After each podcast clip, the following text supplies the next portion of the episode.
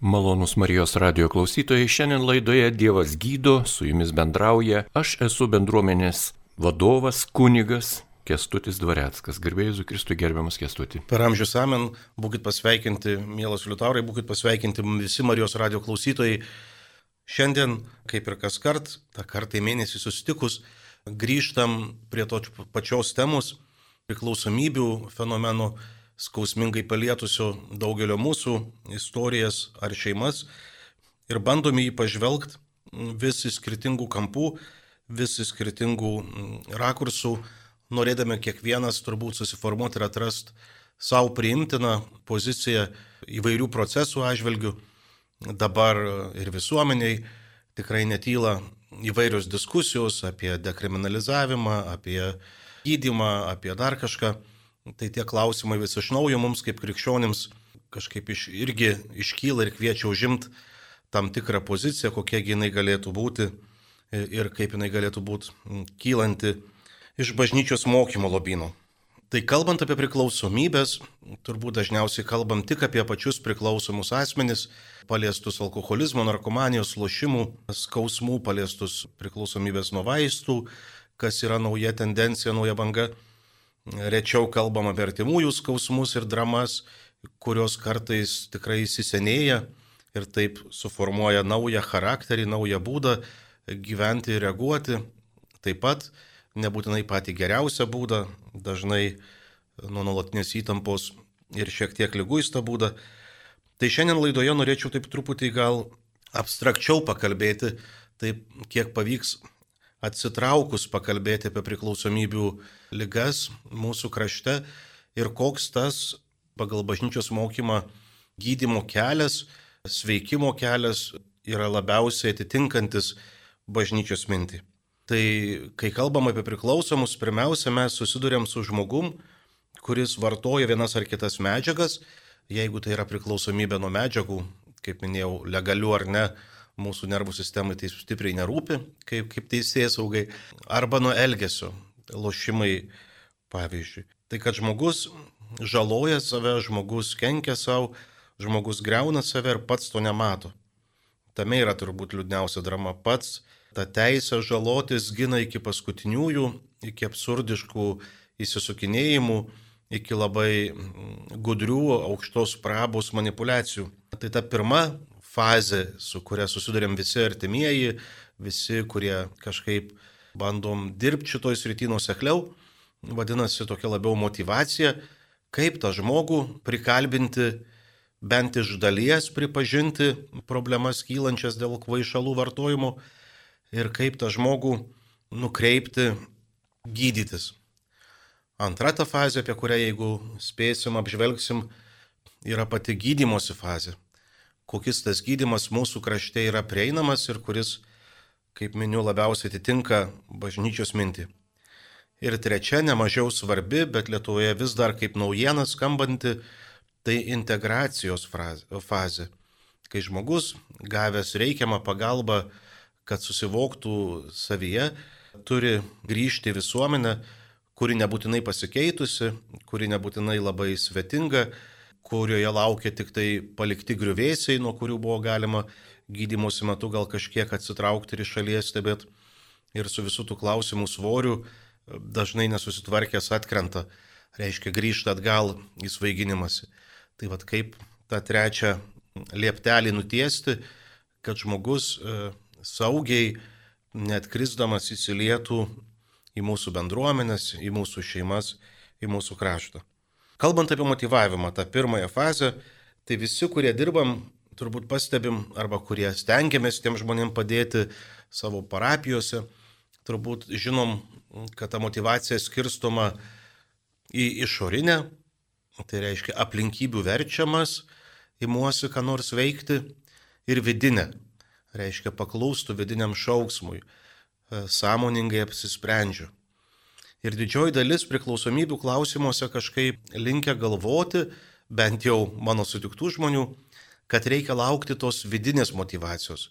Kada žmogus, sakytumėm, nušvis, susivoks, ten apsiverks, pripažins ir va tada jau galima pradėti sveikimo kelionę.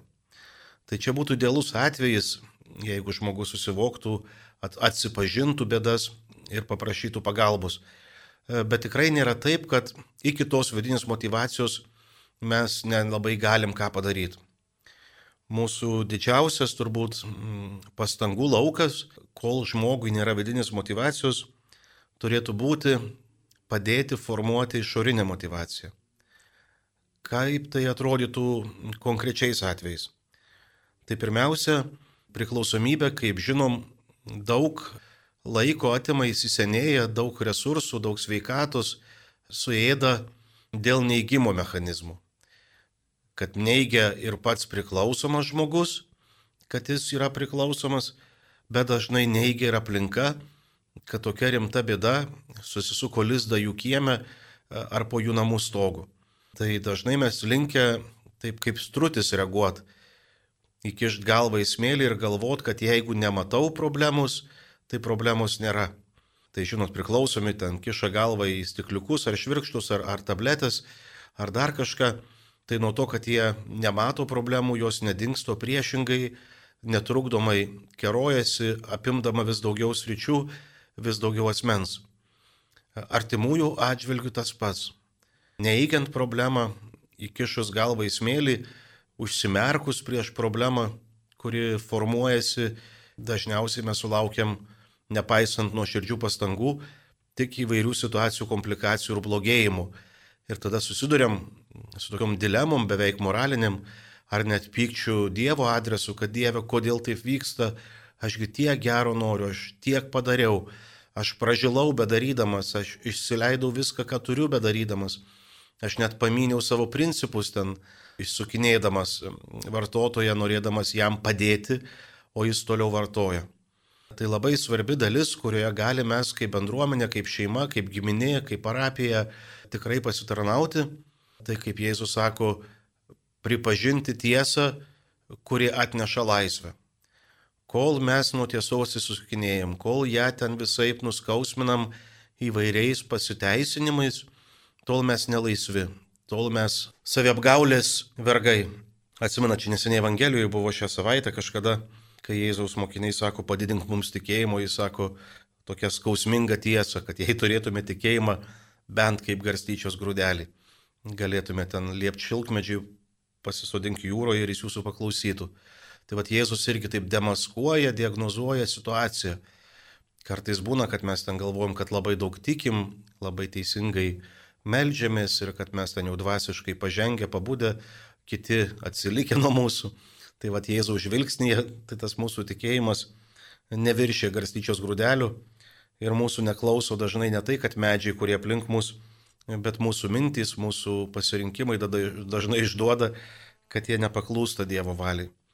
Tai tiesa, kad ir skausminga, daro mus laisvus. Tas pripažinimas, kad mano parapijai, mano šeimoje, mano draugų rate matau asmenį, kuriam skausmingai formuojasi priklausomybė, drąsa apie tai, tai pripažinti, o vėliau apie tai deramai kalbėtis, nėra maloni nei kalbančiam, nei klausančiam, bet tikrai duoda tokį postumį sveikumo link.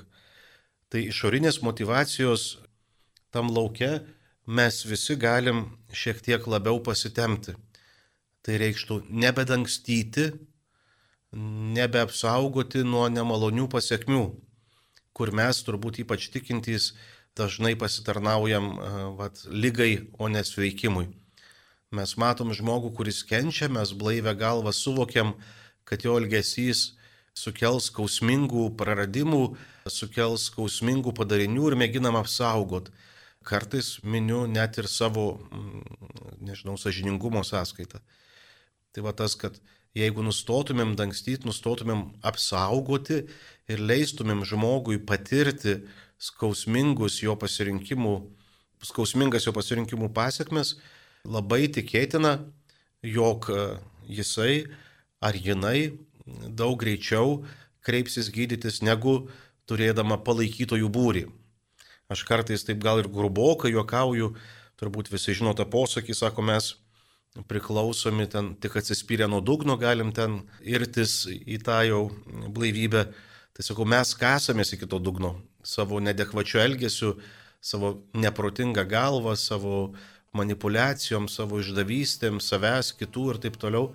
Tik tai, kad vis atsiranda geraširdžių žmonių, kurie atrodo, kai jau nebe, nebėra kur toliau, kad reikia jau čia priimti sprendimus, ateina į pagalbą, užgesina gaisrus ir gali vėl netrukdomas e, degraduoti. Tai tai nėra geras darbas, tai nėra tinkama krikščionių laikysena. Mes esam kviečiami būti tiesoje, išbūti tiesoje, net jeigu jinai sukelia kažkokių vat, mūsų adresų nemalonių kitų reakcijų. Turbūt atsimenat gailestingo tėvo palyginimą, jis turbūt ryškiausiai tą rodo, kad jis nepuola su klaid, klaidingą kelią pasirinkusiu sunumi eiti kartu ir nepalaiko jam kompanijos, nepalaiko jo klyskelyje, bet viltingai laukia, bet myli.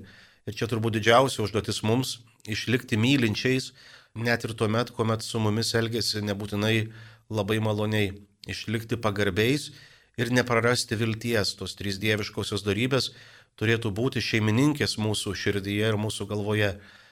Mylėti, viltis, tikėtis ir pagarbiai elgtis. Turime jūsų žinutę, už kurią labai dėkojam. Taip, klausytojai ir skambina ir perdoda informaciją kitaip. Klausimas toks, ar yra katalikų bažnyčioje kokia nors speciali pastoracija geriantiems ir svaiginantiems, ar tik per anoniminių bendruomenę galima pagelbėti? Ačiū labai už klausimą ir čia tikrai yra labai teisingas ir taiklus klausimas. Dažnai, žinot, būna toks lūkestis e, specifinėse lovados, kaip turim kariuomenės, ten pareigūnų, e, ligoninių selovada.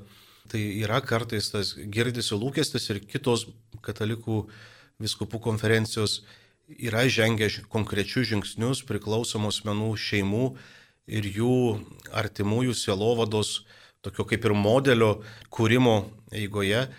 Mes Lietuvos bažnyčioj stengiamės, aišku, viską sutikti parapijoje prie viešpaties altoriaus, kiekvienas su savo vargeliu ir turbūt ne, neinam tuo tokiu labai specifiniu keliu. Yra pavienių sesučių, tikinčių pasauliečių, kurie atsideda užtarimo maldai, ar, ar, ar, ar pačių tų kunigų, kurie turi šiek tiek daugiau patirties ir, ir patarnauja priklausomybės sergantiems asmenims bet tokio vieningo veikimo ar sistemingo veikimo, tai aišku, kad kol kas trūksta ir turbūt jūs tą matydama ir keliat šitą klausimą. Tai ačiū Jums už jį. Turim skambutį. Mums paskambino Laima iš Varlaukio parapijos, taigi gerbiamą Laimą, jūs eteriai užduokit klausimą norėčiau paklausti tokią mane kirbina, e, kaip pasakyti, labai aktualu yra ta alkoholizmo tema šeimoje, e, galbūt ir tą ko priklausomybę turiu. Ir, ir labai domiuosi, kaip, kaip įsigelbėti ir, ir gelbėti tuos. Bet man kažkaip dabar paskutinio laiko atrodo, kad mes užsigimstam e, su, su tuo. Yra žmonės, kurie geria, geria, bet jie labai laisvai numeta, jeigu jie nori. Tiesiog apsisprendžia ir viskas. Ir yra žmonės, kurie, aš, aš įsivaizduoju, aš niekada nebuvau priklausoma nuo alkoholio, bet jeigu aš pradėčiau nors kiek gerti, aš iš karto tapčiau. Nes aš pastebiu savyje, kad tų priklausomybių, tai nuo televizoriaus, tai nuo kompiuterio, tai nes, nu, kaip aš duonuos, aš, aš taip irgi ginčiaus, aš ten dėl kažko tai, bet ir, ir kaip sakot, kaip negirdi žmogus, va jis turės argumentų, ten belekiek. Ir aš dabar kaip, ar ir dar sakot, kad vos ne jam reikia leisti, jau padėjai, padėjai ir leistų, kad jis pajustų tas, ką jisai daro. Tai dabar žiūrėkit, tie visi tokie su tais LGBT. Tai jeigu taip ir siekia, jie šitie visi priklausomi žmonės, jie labai aktyvūs, jie labai moka ginti įtikinamai savo interesus, savo mintis, savo mhm. ir, ir leiskim, ar ne? O kas tada bus? Nu tai taip, leiskim, leiskim Hitleriui leido pažiūrėti, nu kažkada griuvo, komunizmui kažkada griuvo, bet ar mes galim iš tikrųjų leisti, leisti žaloti, leisti, nu, buvo didžiulis autoritetas Navickas. Per, per jį atsiverčiau e, Bernardinus skaitydama. Nu dabar man siaubas, va tas Bernardinų redaktorius. Supratau. Arba Maldeikienė. Labai ačiū ne. Jums už galybę klausimų, už tokį debesį, suprantu, kad tas debesis susikaupęs mintyse liudija, kad Jums rūpi procesai, kurie vyksta mūsų krašte. Žinot, nesinorėtų nei šitoj laidoje, nei apskritai e, labai konkrečių žmonių kažkaip aptarinėti, nes neįlysim jų kailį, nežinom visų jų motyvų. Žinot, aš tai bičiuliaujuosi su kai kuriais jūsų įvardintais žmonėmis ir kažkaip aš, nes ir man nebūtina vienodai mąstyti ta prasme, aš bandau girdėti argumentus, dėl kurių žmonės vienaip ar kitaip elgesi. Ir gal nesuplakim šitų dviejų klausimų priklausomybės ir visų LGBT, nors ir LGBT turbūt reiktų nesuplakti vieną, ne visi netradicinės orientacijos žmonės yra LGBT, tos agresyvesnės bendruomenės nariai. Kai kurie labai tyliai, pamaldžiai, gražiai gyvena, išgyvendami savo dramas, išgyvendami savo skausmą, eidami susivaldymo keliu tai tikrai nereiktų visų turbūt irgi suplakti į vieną stalčių ir vieną lentyną. Bet jūs, kaip, žinot, vat, ten daug minčių užkabinot, bet turbūt man ta pagrindinė, apie kurią šiandien kalbam, o kas mes tokie, kad neleistumėm žmogui patirti jo pasirinkimų pasiekmių. Ar čia nėra nusižengimas pirmam Dievo įsakymui, taip labai fundamentaliai žiūrint? Kas aš toks, kad aš jums neleisčiau mąstyti taip, kaip jūs mastot? Kad, kas aš toks, kad aš jums neleičiau daryti taip, kaip jūs darot. Jūs darot pasirinkimus, kurie arba iššaukia gerus rezultatus, kuriais džiaugiasi visuomenė, jūs ir taip toliau, bažnyčia didžiuojasi, arba darydama netinkamus pasirinkimus, patiriat netinkamas pasiekmes, skausmingas pasiekmes, kurios verčia permastyti, ką aš darau su savo gyvenimu. Dabar priklausomybės atveju supraskit, e, tokį labai sudėtingą gal mechanizmą, bet aš su juo susiduriu, buvau net naujos Vilnius ligonėje, lankiau vieną mergaitę, jauną, labai gal jau ir pilnametę, bet arti va tos tokios e, jaunatviškos, ne, ne, nebrandos, tokio virsmo laike, kuris sako, kunigė, kai aš ten bandžiau visai su ja kalbėti, jis sako, kunigė, sako, ar galiu kuo būti naudingas? Sako, jo, galit kunigiai kalbinkit mano tėvus nors kartą pavartot su manim kvaišalų, kuriuos, nuo kurių jinai priklausoma, kad jie mane paliktų ramybė, jiegi patys supras, kad tai nepavojinga ar kaip taip gerai. Ir tada kalbuosiu toliau su tėvais, kurie verkia, pergyvena, poteriauja. Ir taip, jinai neturi jokių pasiekmių, įsivaizduojat? Jinai vartoja kvaišalus, nelegalius kvaišalus ir tėvų meilė ją apsaugo nuo skausmo. Ir tada tai mergaitai beveik nesuprantamas tėvų prašymas nustok taip daryti. Sako, kodėl turėčiau nustot? Nes tai kenkia. Sako, jums kenkia, jūs ir gydykitės. Man tai nekenkia. Ir kažkuria dalimi jinai yra teisi. Jinai daro veiksmus, blaivę galvą vertinant žalingų savo, bet nepatiria neigiamų pasiekmių tik mato artimųjų ašaras ir galvoja, kad artimie, su artimaisiais kažkas negerai, o ne su jie, nes artimieji per jautriai reaguoja, ten kažkaip pristojo prie jos ar, ar dar kažką. Tai čia, žinot, nėra taip, kad leist procesam visuomeniai kažkur, bet vienas kito akivaizdoje mes nesam dievai. Net vat, tėvai, kurie dėl vaikų ten turbūt ir numirt sutiktų, nu negali mm, už juos apsispręsti. Net Jėzus, kuris už mus numirė, paliko mums laisvę grybauti laisvę naikint save, nors tai jam sukelia skausmą, kaip ir priklausom artimiesiems, kurie mato savo vaiką, kuris žalojasi, tikrai jie laipioja sienom, visus devindienius sukalba, eina specialistų pagalbos ar dar kažką. Bet va tas, kad negali atimti iš kito laisvės. Nėra Lietuvoje priverstinio gydimo, kad, žinot, uždariai kur nors į Rusiją ir ten jautiesi, nu, vat kažkaip sprendžiantis problemą. Tai prašymas toks pat yra, neprisijimt skolų už tą žmogų, pavyzdžiui, vat, neleidžiant pasiekmėm atsirast. Čia daug artimieji tą daro, pavyzdžiui, kad vartojantis jaunas žmogus prisima greitųjų kreditų. Savo lygai finansuoti, savo uh, savęs naikinamui finansuoti. O artimieji labai bijo, kad jo, suges jo kredito istorija, kad jis paklius antstoliam ar dar kažkam, ar nedaug dievė atsiras ten reikalų su teisėsauga. Tai ką daro artimieji dažnu atveju, skausmingai patys perima paskolas ant savo pečių, praranda kartais net gyvenamus namus, praranda ryšį su kitais vaikais, kurie gyvena kažkur fone, nepastebėti, nes visas dėmesys sufokusuotas į vieną skausmingai savo dramas išgyvenantį šeimos narį. Ir, žinot, jeigu tai veiktų, tai sakyčiau, matys šunys, kaip mano senelis mėgdavo sakyti, bet kai, kad tai neveikia, kad tai tik prailgina lygą, kad tai tik prailgina degradaciją, kad tai tik prailgina žmogaus skausmą ir artimųjų skausmą. Tai va tas leist, nu, turbūt nei vienas mes nenustosim, didžioji dalis mūsų turbūt ne, ne, nedarom išvadų, e, kol neturim skausmingų pasiekmių. Turime dar vieną žinutę, už kurią dėkuoju. Malonus Marijos radio klausytojai, jūs girdite laidą, kurią jums šiandien veda aš esu bendruomenės vadovas kunigas Kestutis Dvareckas. Štai dar viena žinutė. Vėl žadama paleisti sveigal, svaigalų pardavimą plačiau ir ilgiau. Ar to tikrai reikia piliečiams, ar to reikia bizniui? Oi, kokie kompleksiniai klausimai, iš kuriuos dėkoju ir iškart pripažįstu savo negalę, taip jau visą apimančiai atsakyti neturiu akmenį įkaltos nuomonės. Nežinot, aš dirbu priklausomybių srity, tarnauju priklausomybių srity ir galbūt e, mano kalbėjimas dažnai yra gal kategoriškokas, nes jis kyla nu, iš skausmingų tų situacijų, kurių kasdien po mūsų namų stogų vyksta.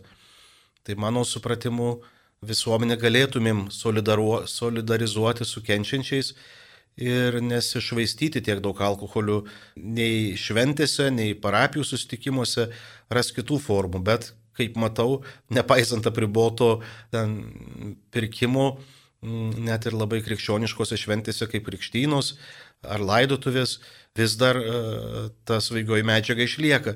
Tai čia turbūt jau ne valstybė kalta, o mes su savo kažkokiais nesveikais susiformavusiais papročiais ar dar kažkuo. Taip pat nemažai žmonių pas mus pakliūna, kurie vartoja visas nelegales medžiagas, tai kurių nėra prekyboje. Nu, dabar naujos psichoaktyvios internetu labai baisiai plinta, e, kur ten sukontroliuoti beveik iš vis neįmanoma. Tai žinot, aš nesimu, nesiveliu į politinius procesus. Aš e, prašyčiau tų, kurie ten dalyvauja politikoje, girdėti ir mūsų priklausomų vargelius ir kad tai mus trikdo. Pavyzdžiui, dabar Ar pastebėjot, kad neįmanoma nei vieno straipsnio perskaityti negavus lošimų reklamos, kuri agresyviai brukama, kuri užstoja atsidarytą tekstą ir turi rasti ant tą mažą iksiuką, kad ją panaikintum iš savo kiračių. Tai mano galva tai yra labai neatsargu ne, ne, ne jaunosios kartos atžvilgių, žadina smalsumą dalykais, kurie gali įtraukti negryžtamai. Tai labai ne, bet, bet tas vyksta, tai vad norėtųsi, kad ir tas nevyktų. O šiaip e, vien, aš tą kalbu nuoširdžiai labai, kad vien draudimais neįspręsim, kad ir kaip to norėtumėm. Juk mes visi krikščionys turim viešpaties mus pamilusio savo meilę ant kryžiaus protočio, reiškia už mus galvą paguldžiusio tokių kvietimų, ko nedaryt, kad kvietimų ten, kad nemeluot, ir tas mūsų nelabai veikia, nors tai mums uždrausta, e, nevokt ar ten neapkalbėt, ar, ar kitų dalykų, kurie sargdina mūsų tarp asmenių santykius. Bet mums tie draudimai net iš paties Dievo kylantis kartais nesutrukdo kažkaip gaminti aplink save purvą ir tose purvo voniuose ilgėti švarumu. Tai tikrai ačiū už klausimus. Aš suprantu, kad dar ir dabar ten yra dekriminalizacijos klausimas, kur aš neturiu vieno atsakymo. Aš galim iškart ir prie jo trupučiuką, nes dažnai aš jį girdžiu ir, ir girdžiu labai karštų prašymų. Vieni labai reikia, kad palaikykit dekriminalizavimą, tai sakau, reikia įsigilinti, norint kažką palaikyti.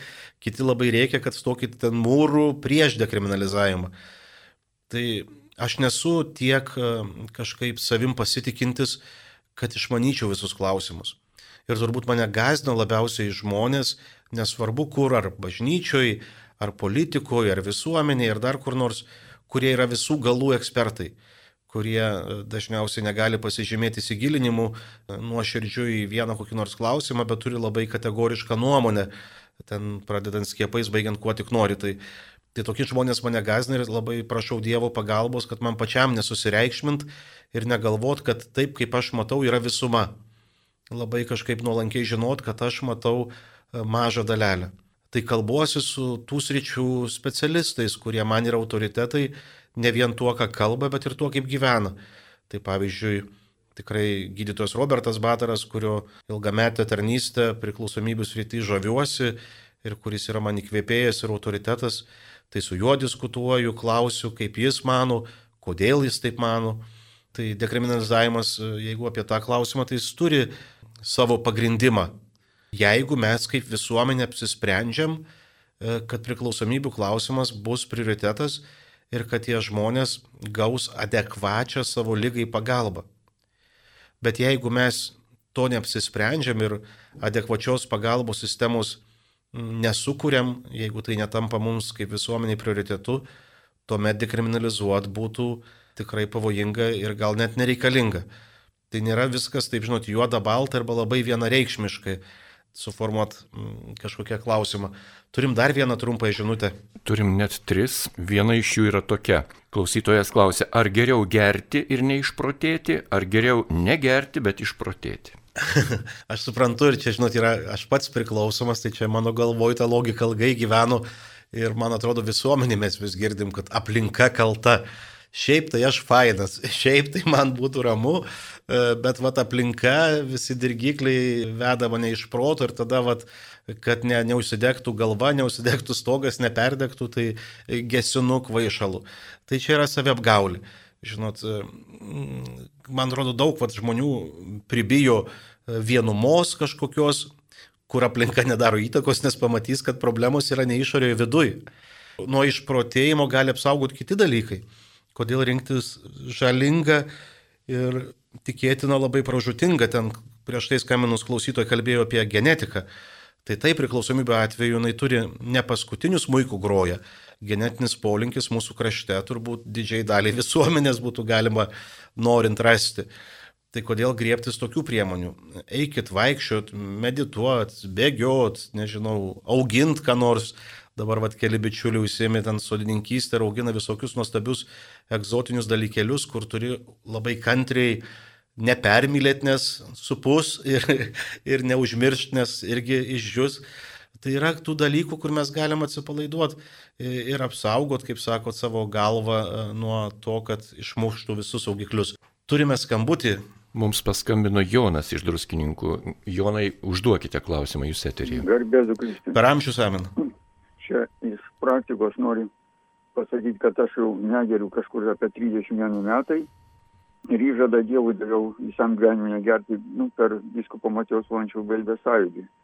Ir čia tokie klausimai buvo, kad ar čia tas draudimas padeda ar ne, aš tai iškart galiu pasakyti, kad labai padeda, nes valstybės, kurios draudė, čia, pavyzdžiui, Amerikoje buvo tas prohibicijos, tai kaip tik tada išklėstėjo į, į mokslą, į gėrį, į Dievą.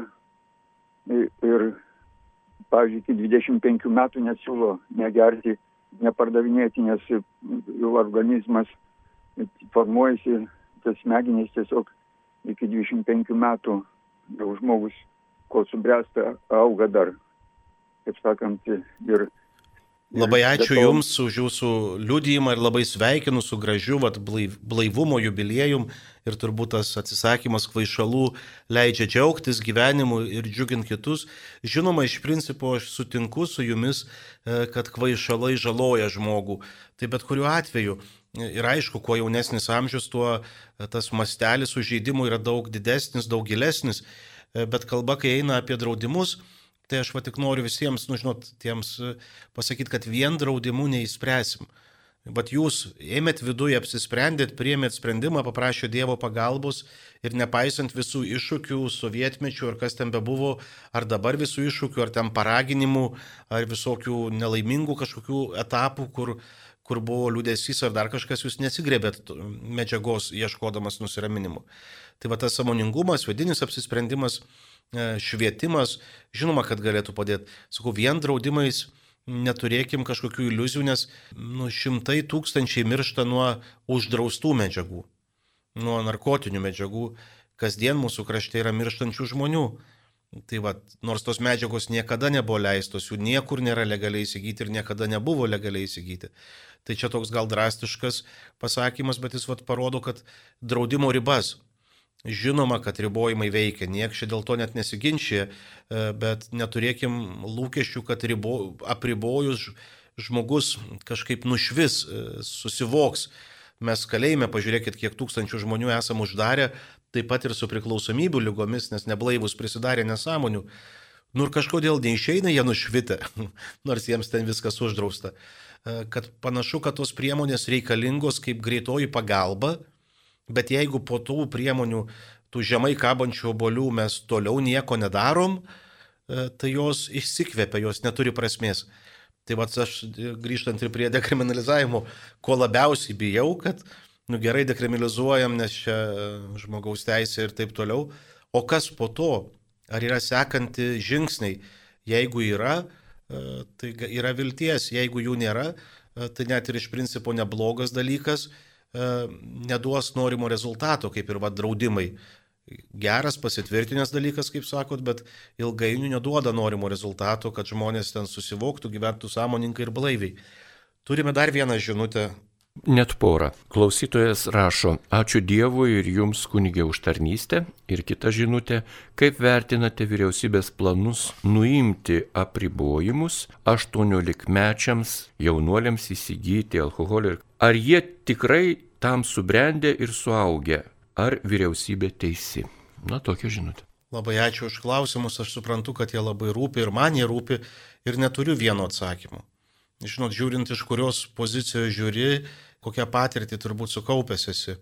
Mm, tai vienas iš tokių turbūt pagrindinių tų argumentų, e, tai kad nepaisant egzistuojančių draudimų, tas mūsų jaunimas jau labai jaunam amžiui nuo apsinuodimų e, tuo pačiu alkoholiu pakliūna į ligoninės. Tai vėl apie tai truputį kalbėjom jau su, su buvusiu klausytoju, kad vien draudimu panašu, kad nu, neveikia kad mes patys kaip visuomenė, žinot, gal dar turim tą sovietinių raugų, kad mums draudimai beveik azartą iššaukė, kas greičiau juos apeis, kokiais keliais juos apeis. Dabargi matėm visai absurdiškų situacijų, kur žmonės ten pinigus moka, kad apgaudinėtų valstybę, visuomenę, kad neva pasiskėpino, nors nepasiskėpino, ir atranda žmonių, kurie sutinka taip elgtis, kurie bendradarbiauja blogyje. Tai žinot, man atrodo, čia didesnė problema, kad tie jaunuoliai iki dabar gauna svaigalų, e, visokiausių svaigalų, kurių jiems įsigyti ten reikia, nežinau, 21 ar dar kažko, ar, ar tą pačio tabako, ar dar ko nors. Viskogi yra ir turbūt, kad ne, ne patys įsigyja, tai mes parūpinam suaugėliai, kurie vat, galim e, kažkaip moralizuoti jaunimą, kad mes rodom jiems pavyzdį, nebūtinai patį geriausią. Kodėl jaunimui kyla noras e, ragauti svaigalus? Nes jis kopijuoja mūsų elgesį, jam neįdomu, ką mes šnekam. Mes galim, žinot, jūsgi irgi turbūt, kai matot kunigus, jums netiek įdomu, ką, ką jie šneka, kaip jie gyvena, tada tas žodis tampa patikimas. Tai jeigu mes šeimoje geriame visomis progomis, kodėl galvojam, kad mūsų jaunimas neras būdų ir nenorės kopijuoti mūsų elgesio, jeigu galvos, kad jis yra ten socialiai priimtinas, ar net ženklas, kad jau esi suaugęs ir brandus jeigu mes šeimoje rūkome prie vaikų ir kalbame apie rūkimo žalą ir kad uždrauskim ten iki 30 metų, tai jūs galite visai uždraust, bet tie vaikai rūkys. Ir, žinot, visada turbūt norisi nusimest atsakomybę, kaip ir priklausomybė atveju, ant kažko. Ant Dievo, ant aplinkos, ant valdžios, ant dar kažko. Bet sveikimas, mano giliu įsitikinimu, prasideda priešingai, prisimant atsakomybę tvarkoja, aš negaliu dabar pakeisti valdžios ir jos pozicijos ar jos ten įsitikinimų vienais ar kitais klausimais. Bet aš galiu savo dienoje elgtis kitaip pagal savo įsitikinimus. Aš galiu nesisvaiginti, net savo gimtadienį švesdamas, nesvarbu, kad jis jubiliejinis. Aš galiu kit, kitų priemonių imtis. Aš galiu su to pačiu jaunimu rasti kitų veiklų, kurie net nepasigestų alkoholio, kad jie turėtų kažkokią alternatyvę patirtį mes bendruomenė labai patiriam, žinot, visi sako, darbo duot, veltėdžiai tie priklausomi, tai pas mus bent nuo alkoholio priklausomi, tai jie neveltėdžiai, jie persidirbė tokie kaip, kaip arkliai, kuriuos nuvarytus kažkas nušauna. Jam lieptų pas mus ten bendruomeniai ką nors padaryti, nors mieste gyvenam čia kalnų nenuversi, tai jie net apsidžiaugia ir jie išėję kartais į darboholizmą nulekia. Bet vad pasakyti, nu bičiuli, broli sesė, padaryk šventę, kad šiandien nurautų stogus, kad prisikikentumėm, kad pasidžiaugtumėm bendrystę, bet be svaigalų, su kažkokiam gražiom priemonėm, moraliom tokiom. Ir viskas, ir, ir sėdim po toniniu svoriu. Tai ką dabar daryti, tai kaip čia dabar e, be kompleksų juoktis, šokti, dainuoti ar kažką veikti, nes tokios patirties mes tautoje beveik jau nebeturim. Ten mūsų joninės vos netautinis pasididžiavimas Taigi baisu, kepta duona česnakai ir alus ir neblaivus sisiotojai už palapinių. Tai va tą mūsų jaunimas mato ir mes jiems moralizuojam, kad jūs taip nedarykit, jūs tą galėsit nuo 21 ar 25. Tai kartais tas mūsų kalbėjimas gali truputį jauno žmogaus ausims skambėti komiškai, kad susitvarkykim savo kiemą, tada nereiks. Motina Teresė mane labai įkvėpė čia pabaigai turbūt mm, motina Teresė mane labai įkvėpė, kai skaičiau jos dienoraštį tokį patarimą sesėms, sako, apie Dievą galima kalbėti žodžiais tik kraštutiniais atvejais. Šiaip apie Dievą artimui kalba mano elgesys. Apie meilę, apie Dievą kalba mano elgesys. Tai va ir prevencijoje ir ten draudimam ar dar kažkam, tą galim griežti, griebtis kraštutiniais atvejais. Bet kasdienybei geriausia prevencija mūsų sveikas elgesys. Ir čia turbūt visi be išimčių turim kur pasitemti. Tad ir prašykim Dievo pagalbos, e, kad tikrai jo padedami gyventumėm patys orų žmogaus verdą gyvenimą, kur nereikia kišti galvos į smėlį. Ir tada tas mūsų gyvenimas galbūt taps įkvepiančių pavyzdžių, mat minėjot motiejų valančių. Tai pažiūrėkit, vieno žmogaus gyvenimas, vieno žmogaus orumas kokią bangą sukėlė, kur iki šiandien žavisi, tai kiekvienas mes su Dievo pagalba, su Dievu gyvendami galim bent jau savo kieme ar savo parapijoje tapti tuo žydinėliu, kur ir prašau viešpaties mums pagalbos. Ačiū Jums už šią dieną, už gausius Jūsų klausimus ir iki kitų susitikimų. Malonus Marijos radio klausytojai, dėkojame už atsiustas žinutės, ne visas suspėjome perskaityti ir atsakyti, kunigui Kestučiui Dvareckui tikrai jas perduosime ir iki kito susitikimo Marijos radio eteryje. Prie mikrofonų su jumis šią valandėlę buvo aš esu bendruomenės vadovas kunigas Kestutis Dvareckas.